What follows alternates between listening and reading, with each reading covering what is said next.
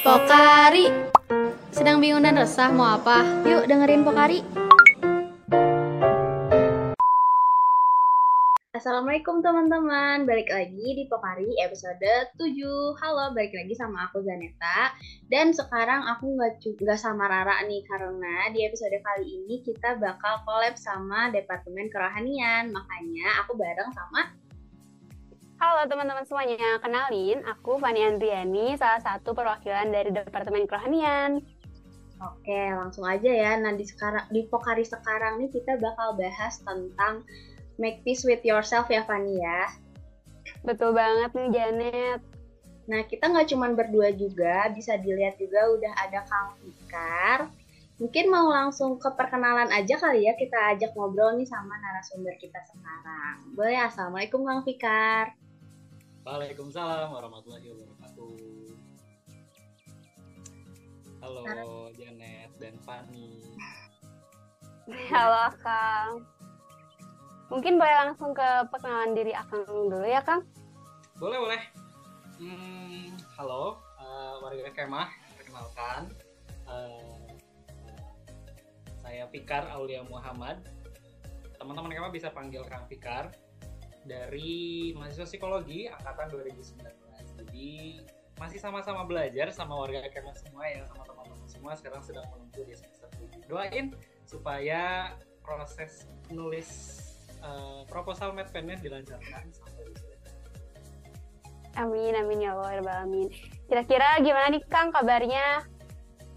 Kan udah semester akhir nih, kira-kira apakah ada kendala atau gimana gitu? Alhamdulillah.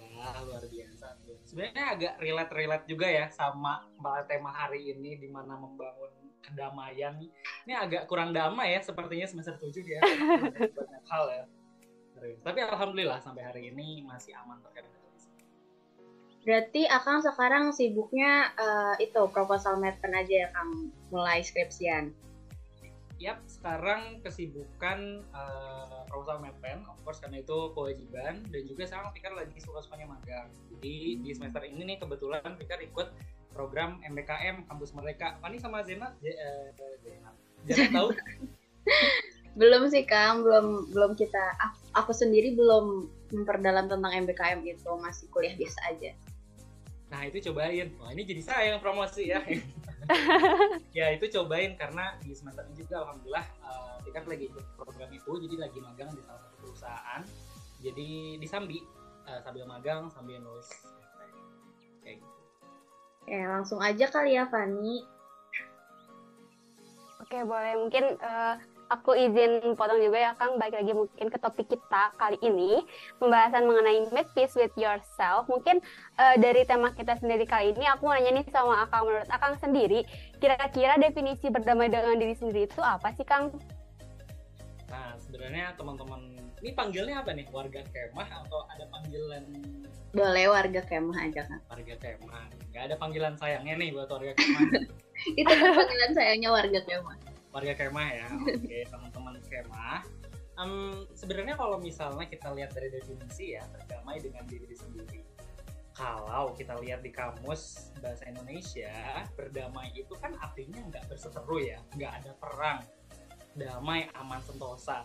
Jadi yang dimaksud dengan berdamai dengan sendiri itu nggak ada perang. Tapi pertanyaannya kok sama diri sendiri? Jadi sebenarnya ada apa dengan diri sendirinya gitu apakah sebelumnya kita berperang dengan diri sendiri kita atau kita ada sesuatu nih selek-selek sama diri kita diri sendiri gitu.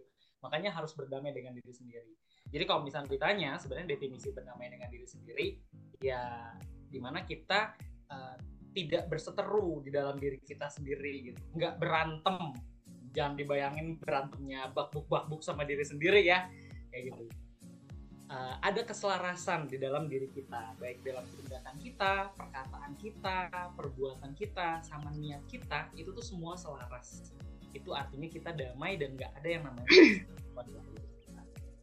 Kayak gitu mungkin sedikit ya Fani ya. Sedikit juga berarti Kang, makasih banyak loh Kang. Sama-sama. Oke, di dalam proses berdamai dengan diri sendiri nih Kang, kita tuh ada membuat ketenangan hati dan jiwa terganggu nggak sih Kang? Kayak kita kan uh, remaja nih ya, di mana remaja itu kalau kita belajar di perkembangan remaja dan dewasa itu masa pencarian jati diri kak. Jadi remaja tuh lagi banyak-banyaknya overthinking kayak gitu-gitu kak.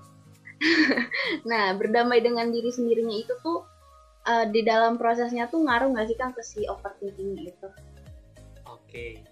Hmm, sebenarnya tadi banyak poin ya yang dibahas sama Janet mulai dari uh, kita nih dalam masa perkembangan lagi pada masa remaja. Kalau kita ulik-ulik lagi sebenarnya kan kalau uh, karena kita psikologi of course ya wajah kayak keluarga kemah ya dia harus agak sedikit mencongkel-congkel nih teori psikologinya. Ulang lagi. Oh ya tapi sebelumnya pikir disclaimer dulu karena di sini juga kita masih jadi mahasiswa ya. Jadi kita sharing aja. Jadi teman-teman warga kemah kalau misalnya ada yang mau komen boleh ya komen di ini masukin YouTube ya. Iya, boleh. Iya. Komen di YouTube mungkin ya untuk kayak, iya Kang itu salah. Itu boleh banget ya. Terbuka sekali untuk teman-teman. Oke, jadi kalau misalnya kita tadi balik lagi ke si perkembangan remaja itu kan memang ada tugas perkembangannya sendiri kan ya. Dan tugas perkembangan sendirinya itu adalah identity atau mencari identitas. Dan mencari identitas ini susah gampang. Jadi banyak di masa ini teman-teman warga kemah nih lagi mencoba banyak hal. Mencoba banyak hal yang baru sesuai dengan passion kita atau mencoba hal-hal yang mungkin agaknya belum pernah kita coba tapi kita penasaran kayak gitu. Itu dalam mencari uh, identitas. Makanya kalau dalam Islam kalau dalam uh, Al-Quran itu dikatakan bahwa remaja atau pemuda Fikar biasanya uh, Fikar izin ya mungkin ya mengganti kata remaja itu jadi pemuda karena konotasi remaja. Tapi ini nanti bahasannya jadi melebar ke mana-mana. Uh, intinya pemuda itu adalah bahasa yang lebih positif dibandingkan dengan remaja. Nah di masa pemuda ini itu lagi peak of powernya. Jadi kekuatannya lagi tinggi-tingginya. Jadi semua dicoba semua dilakukan untuk meniti karir untuk mencoba hal-hal baru itu semua dilakukan. Nah, tadi kalau misalnya kita masuk apa sih kenapa sih ya maksudnya remaja banyaknya overthinking nih ya? Bahkan bukan overthinking aja nih kadang kan kita uh, apa ya uh, gonjangan-goyangan mental yang lainnya seperti overthinking rasa insecure dengan apa yang dipunya anxiety sama masa depan sekarang ada istilah takut tambah dewasa gitu kan ya dan itu semua itu melekat sama yang namanya fase remaja ini gitu kan kenapa gitu kan karena di fase remaja di kan remaja lagi di fase pemuda ini di mana kekuatannya lagi naik-naiknya nih, lagi peak of powernya, di Quran itu dikatakan bahwa puncak kekuatan itu ada di pemuda. Sebelum, setelah pemuda itu, mereka akan turun lagi kekuatannya, akan jadi tua. Semua dicoba, semua dilakukan. Semua merasa bahwa ada di pundak mereka gitu. Semua merasa bahwa apa yang mereka lakukan itu yang mereka tuai. Jangan mereka lah ya karena lebih lihat ke kita ya. Mungkin kita ganti. Apa yang kita lakukan itu kita yang tuai. Apa yang kita pengen itu ada di tangan kita. Jadi semua berpikirnya ada di tangan kita. Sebentar. Sebentar semua ada di tangan kita. Nah terkadang kita lupa semuanya ini itu membuat kita mengambil porsi yang seharusnya kita tidak ambil kita memikirkan sesuatu yang seharusnya tidak kita pikirkan. Kayak contoh misalkan, hari ini kita bisa apa? Hari ini kita bisa melakukan apa? Kesempatan yang kita punya itu apa hari ini? Itu yang seharusnya jadi kita fokusin. Cuman karena pemuda ini nih lagi lagi banyak mau-maunya, lagi puncak kekuatan sampai semua diraup, akhirnya semua dipikirin. Sampai masa depan yang belum tahu seperti apa pun dipikirin. Sampai orang lain yang nggak bisa kita kendalin perasaannya orang lain yang kita nggak bisa kendalin pikirannya kita ikut pikirin. Alhasil jadi apa? Kita capek sendiri. Kitanya jadi tadi overthinking sendiri.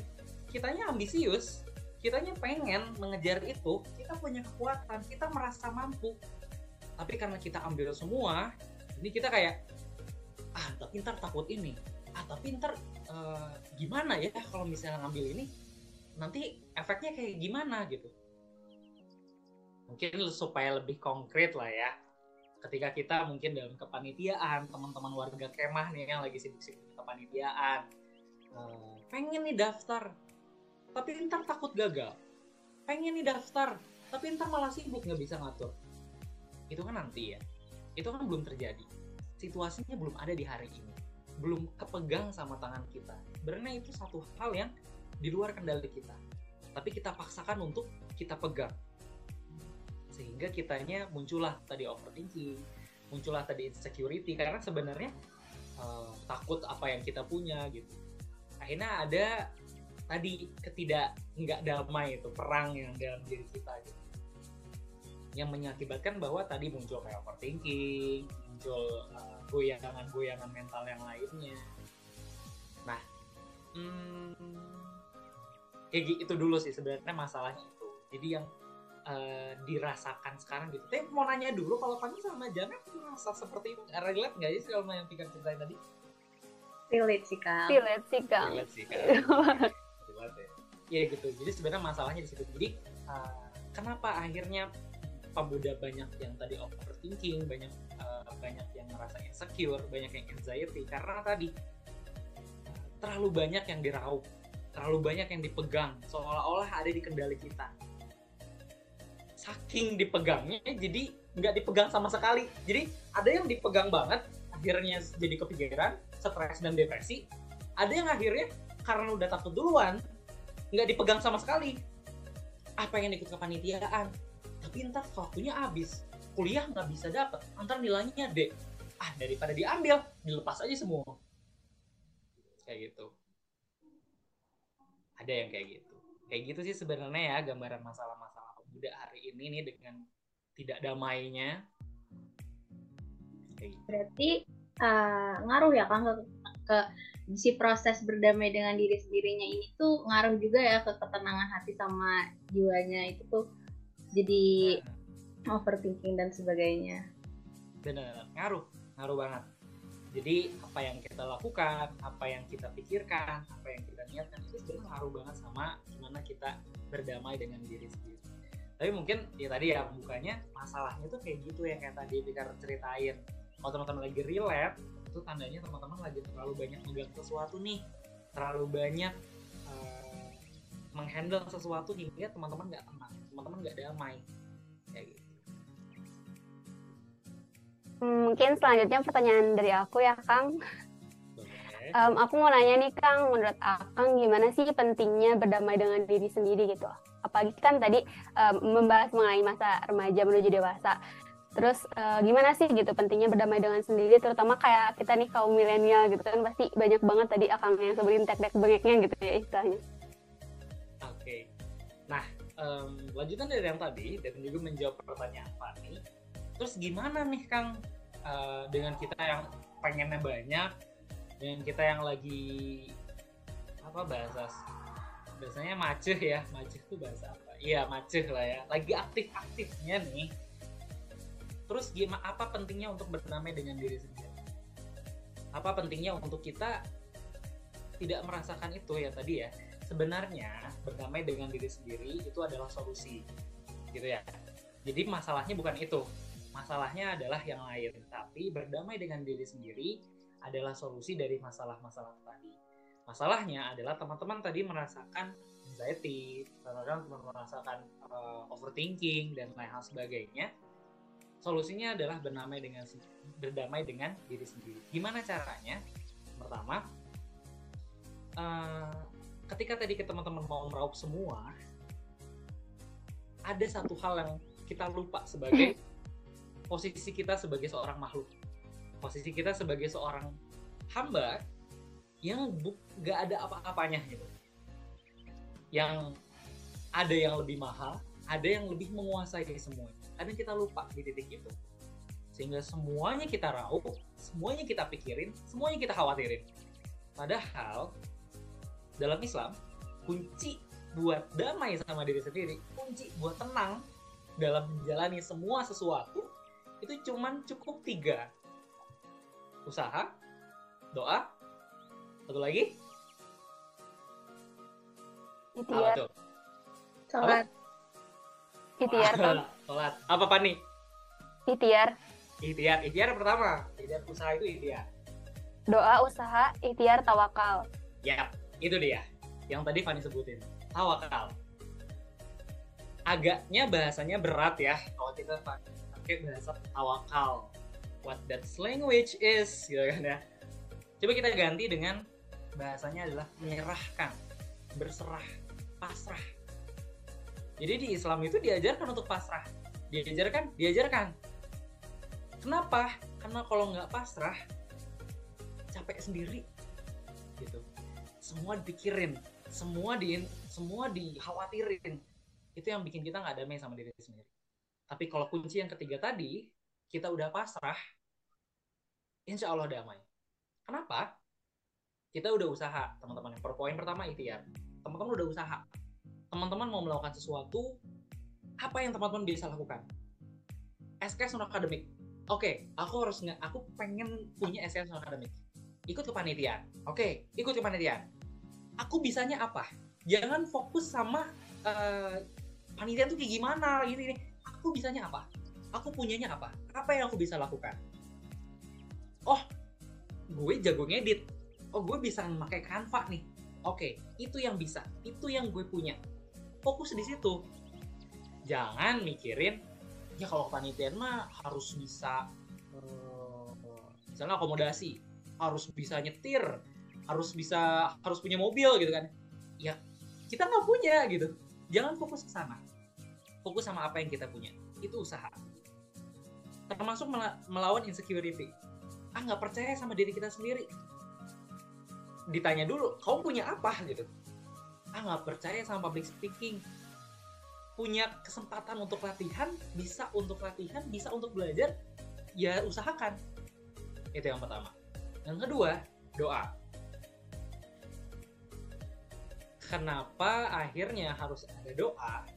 Itu sebagai satu uh, usaha juga.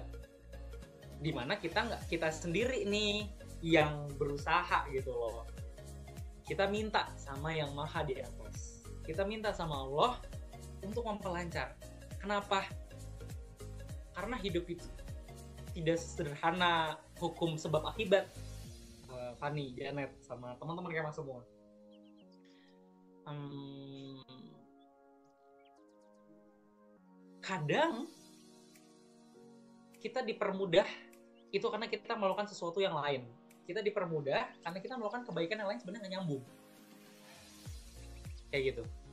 Kita pengen dipermudah nih, lulus uh, biasanya nih. Kalau ini yang paling dekat nih biasanya mau lulus ke SMA atau mau lulus kuliah oh itu udah lagi gencer-gencernya tuh sholat dikencengin tuh sedekah jadi banyakin gitu kan karena memang ada karena memang itu memang ada kalau pikir nyebutnya adalah jalur faktor X jalur langit jadi ada jalur langit yang membantu itu perannya doa kita nggak sombong sama usaha kita kita nggak sombong sama apa yang kita lakukan kita doa nah poin ketiga yang bikin damai pasrah.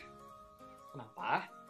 Ketika kita sudah tawakal, kita udah usaha nih. Ya Allah, gue mau masuk ke panitiaan. Boleh ngomong gue sama Allah boleh gak sih? Boleh banget. Boleh. Allah tuh paham segala bahasa. Ya Allah, gue udah masuk, gue, gue pengen, gue masuk, gue pengen uh, masuk ke panitiaan. Gue udah usaha, gue punya bisanya Canva. Gue udah latihan, gue udah bikin CV, gue udah wawancara. Gue udah latihan wawancara ya Allah. Gue udah nanya nih sama orang yang pernah masuk ke panitiaan semua usaha udah dilakukan. Berdoa. Ya Allah lancarkan ya Allah engkau maha pemilik hati maka balikan hati yang tadi wawancara saya biar suka sama saya. Doa. Yang terakhir tawakal. Sisanya udah nggak usah dipikirin. Sisanya udah deh. Nggak usah jadi beban. Aduh ntar kalau nggak kepaniti nggak keterima gimana? Gini gimana? Sisanya pasrahin aja. Kayak gitu. Jadi kunci untuk berdamai dengan diri sendiri kalau dalam Islam itu sebenarnya udah ada dalam tiga poin ini yang kadang pemuda hari ini itu keruput sama poin biasanya yang kedua dan yang ketiga tapi ada yang luputnya cuma sama terakhir udah usaha udah doa tapi nggak mau pasrah tapi nggak mau tawakal kayak gitu kayak gitu Gitu, Janet Fani. Ini tuh Fikar gak gini ya, ngerasa ngomong sendiri gitu loh. Agak gak enak ya. Kita kan podcast ya, harus agak macet. Yuk. Seru Kang dengerin ya. Jadi berasa dapat hidayah gitu. Masya Iya. Allah. Luar biasa. Sangat termotivasi, Kang. Oke, lanjut nih Kang. Hmm. Eh, apa sih faktor-faktor penyebab remaja itu kurang percaya diri dan tidak bisa berdamai dengan diri kita sendiri?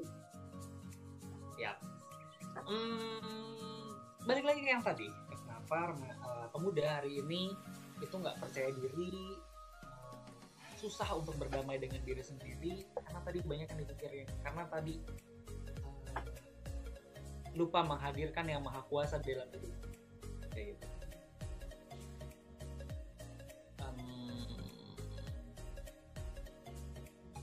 Terkadang kita banyaknya mengkaitkan bahwa uh, melibatkan Allah dalam dalam urusan kita, melibatkan Allah dalam setiap uh, usaha kita itu dikaitkan dengan ibadah-ibadah yang bentuknya ritual seperti sholat, sodako, uh, saum.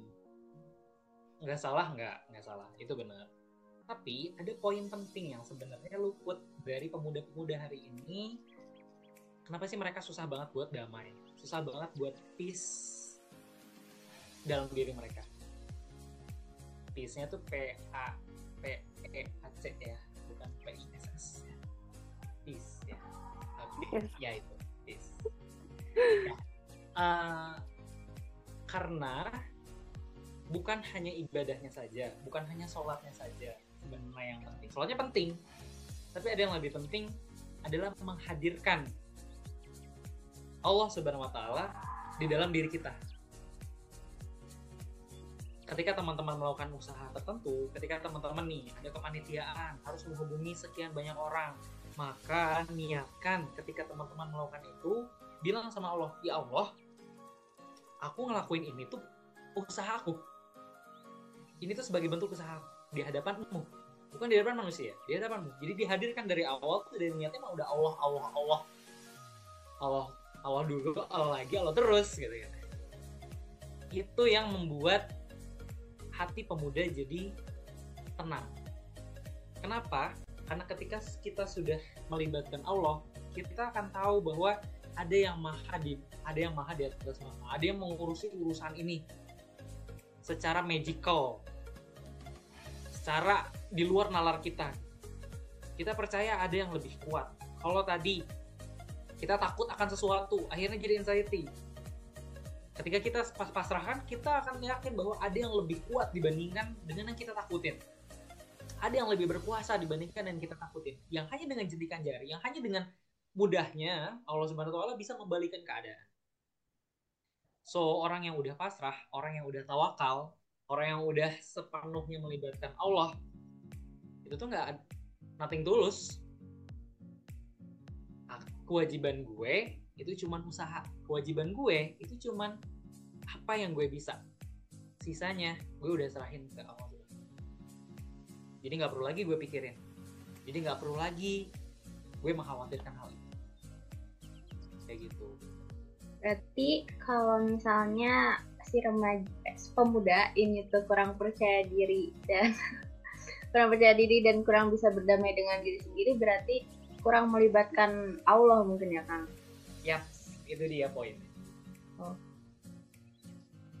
Jangan sampai uh, termasuk dalam ibadah ya, termasuk dalam ibadah. Tadi itu yang di luar ibadah. Ketika kita melakukan sesuatu, sebenarnya itu ibadah. Aduh, ini Kang Fikar pusing ya. Ibadah tuh nggak ibadah ya. Ibadah itu teman-teman ada yang ritual, ada yang sholat, zakat. Aduh, masya Allah ini kayak nanti akhir-akhirnya jadi podcast ini ya religi ya. Allah, Kan eks kerohanian, Kang. Oh, Ada X karena X collab. rohanian ya. Jadi sehari ini tuh betul. eh, podcast religi ya. tapi Vika tidak mau, ya ini religi, tapi Vika tidak mau teman-teman Kema akhirnya malam ini podcast religi doang nih. Nah, ini uh, relate banget sama teman-teman. Uh, tadi ibadah itu ada yang ritual, ya bentuknya sholat, zakat, uh, saum itu ritual ada yang ibadahnya memang enggak ritual. Kalau bahasanya tapi bahasanya terlalu pikir mau menyebutkan bahasa tapi kayak takutnya terlalu berat. Ada namanya bahasa mahdoh eh ibadah mahdoh dan goiru mahdoh. Nah yang mahdoh itu yang sholat zakat saum. Kalau goiru mahdoh itu yang kita makan kita kita kepanitiaan kita kuliah kita hangout sama temen itu bisa jadi ibadah bisa. Ketika kita melibatkan Allah bukan hanya menjadi tenang tapi jadi bernilai. Gitu. Nah uh, jadi pikir mau apa? Iya gitu. Gitu deh. Ya selamat ya Janet. Eh semangat selamat semangat ya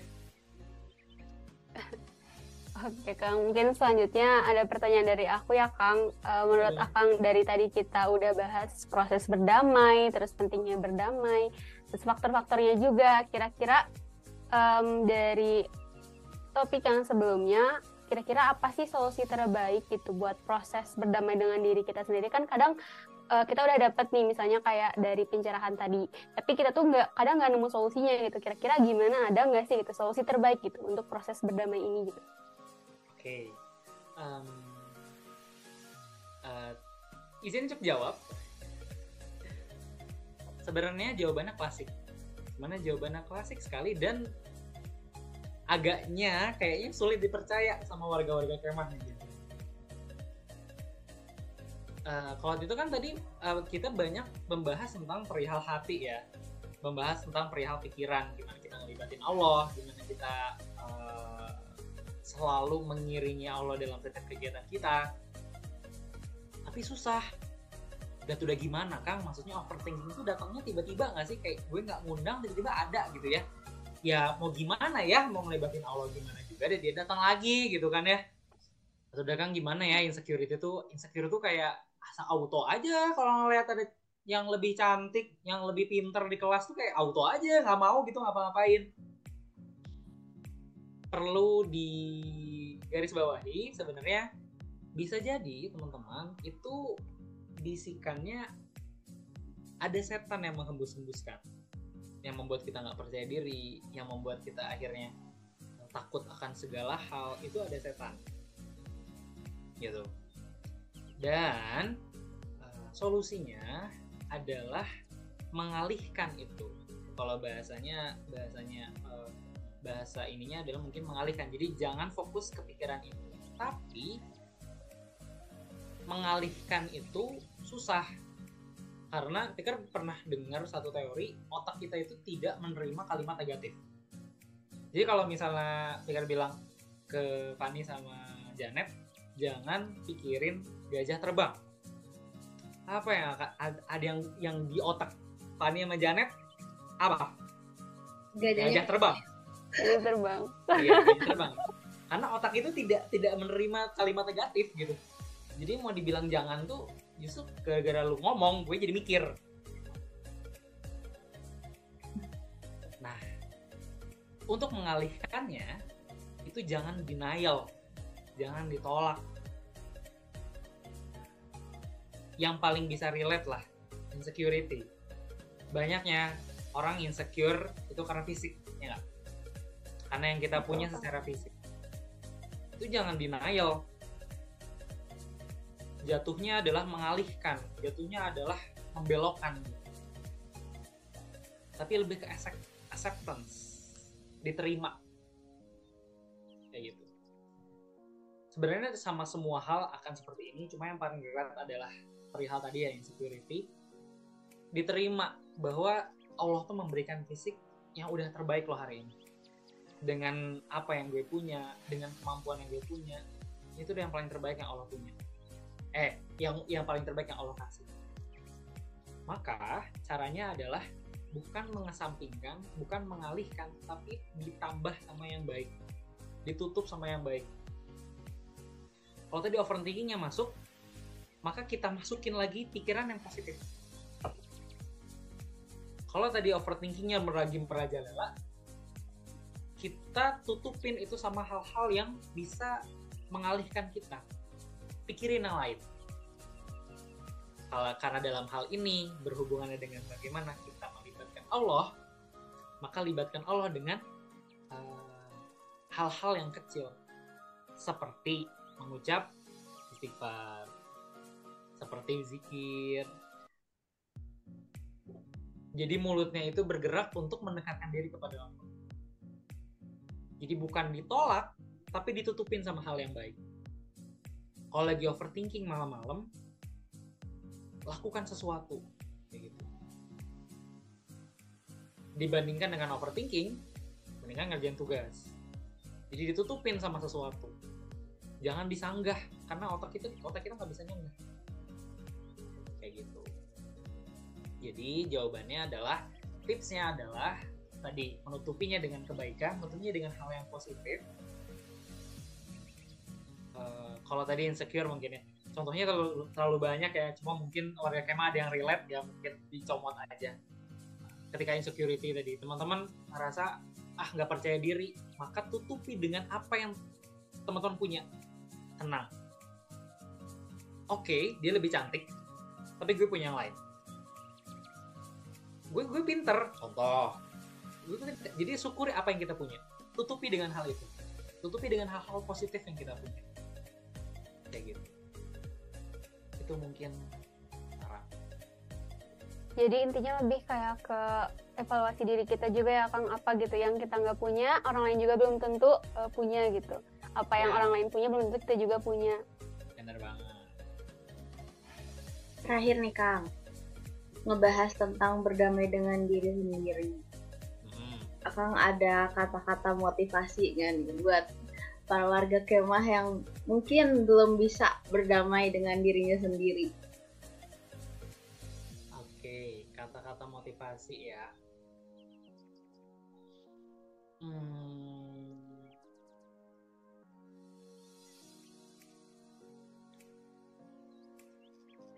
mikirnya lama ya? Kata-kata dikat ya? Gak apa-apa nanti dikat Jemaah yang sekarang lagi dengerin ya. Hmm, sejatinya berdamai dengan diri sendiri itu adalah bagaimana kita melibatkan Tuhan kita pada apa yang kita lakukan.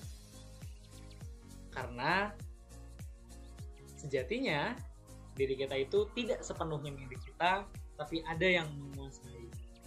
Karena sejatinya masalah yang kita punya itu tidak sepenuhnya kita sendiri yang menghadapi. Tapi itu semua ada yang mengatur, ada yang maha kuasa yang akan selalu ada buat membantu kita untuk berdamai dengan diri sendiri. Waduh, kata motivasinya panjang banget ya. Mungkin pikir izin ngeringkas ya intinya adalah teman-teman warga kemah kata-kata motivasi buat warga kemah adalah berdamai dengan diri sendiri adalah teman-teman berdamai dengan Tuhan. Berdamai dengan Allah Subhanahu Wa Taala. Karena ketika teman-teman sudah melibatkan Allah dalam hati teman-teman insya Allah teman-teman akan damai. Baik Kang. Mungkin cukup ringkas ya Kang. Udah cukup ringkas. Nah, mungkin teman-teman uh, untuk materi kita hari ini mengenai makeup materi. Nggak ada materi nggak ada materi. Sharing sharing. Oh, sharing kita hari ini sama Kang Fikar mengenai makeup peace with yourself. Mungkin aku ringkas aja sedikit ya aku tarik kesimpulannya dari apa yang tadi akan sampaikan. Di mana makeup peace with yourself ini kita nggak berseteru gitu dalam diri kita. Artinya keselarasan dalam di, dalam diri kita itu terregulasi istilahnya. Lebih ke gimana kita ngeregulasi pikiran kita, regulasi emosi kita. Dan selain itu cara berdamai tadi bisa dari usaha kita sendiri, apalagi doa yang paling kuat. Dan yang terakhir jangan lupa pasrahin diri kita sama yang di atas. Karena uh, Allah juga nggak bakal tidur ya, bakal bantuin kita gitu mau gimana pun ya kesimpulan yang tadi akan sampaikan itu intinya seperti itu gitu ya. Mungkin dari Janet sendiri ada yang mau ditambahin? Aku nambahin tadi dari Akang juga yang bilang kalau uh, solusi terbaiknya tuh kita jangan uh, apa ya istilahnya memperendah diri kita sendiri aja gitu kan ya Kang. Kita harus melihat dari sisi diri kita yang terbaiknya itu apa? Jangan mikirnya tuh yang buruk-buruknya terus kayak gitu gitu jadi kalau kita udah bisa mikirin tentang baik-baiknya diri kita itu pasti kita bisa berdamai dengan diri kita sendiri juga. Mungkin dicukupkan ya Kang Vika. Terima kasih banyak. Hani mangga? Oke baik, mungkin teman-teman uh, karena durasi juga ya, mungkin aku cukup cukupkan hari ini untuk sharing mengenai makeup piece with yourself. Aku mau ngucapin juga terima kasih banyak buat pemateri kita hari ini. Kita kasih applause.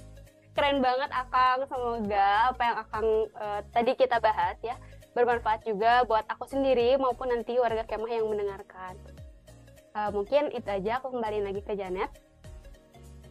Oke, aku juga izin uh, undur diri ya Kang. Terima kasih banyak juga dan terima kasih juga warga Kema yang udah dengerin sampai habis. Tunggu terus Pokari-Pokari di episode selanjutnya karena bakal ada narasumber-narasumber lain juga. Oke, mungkin dari aku Zaneta pamit undur diri. Wassalamualaikum warahmatullahi wabarakatuh.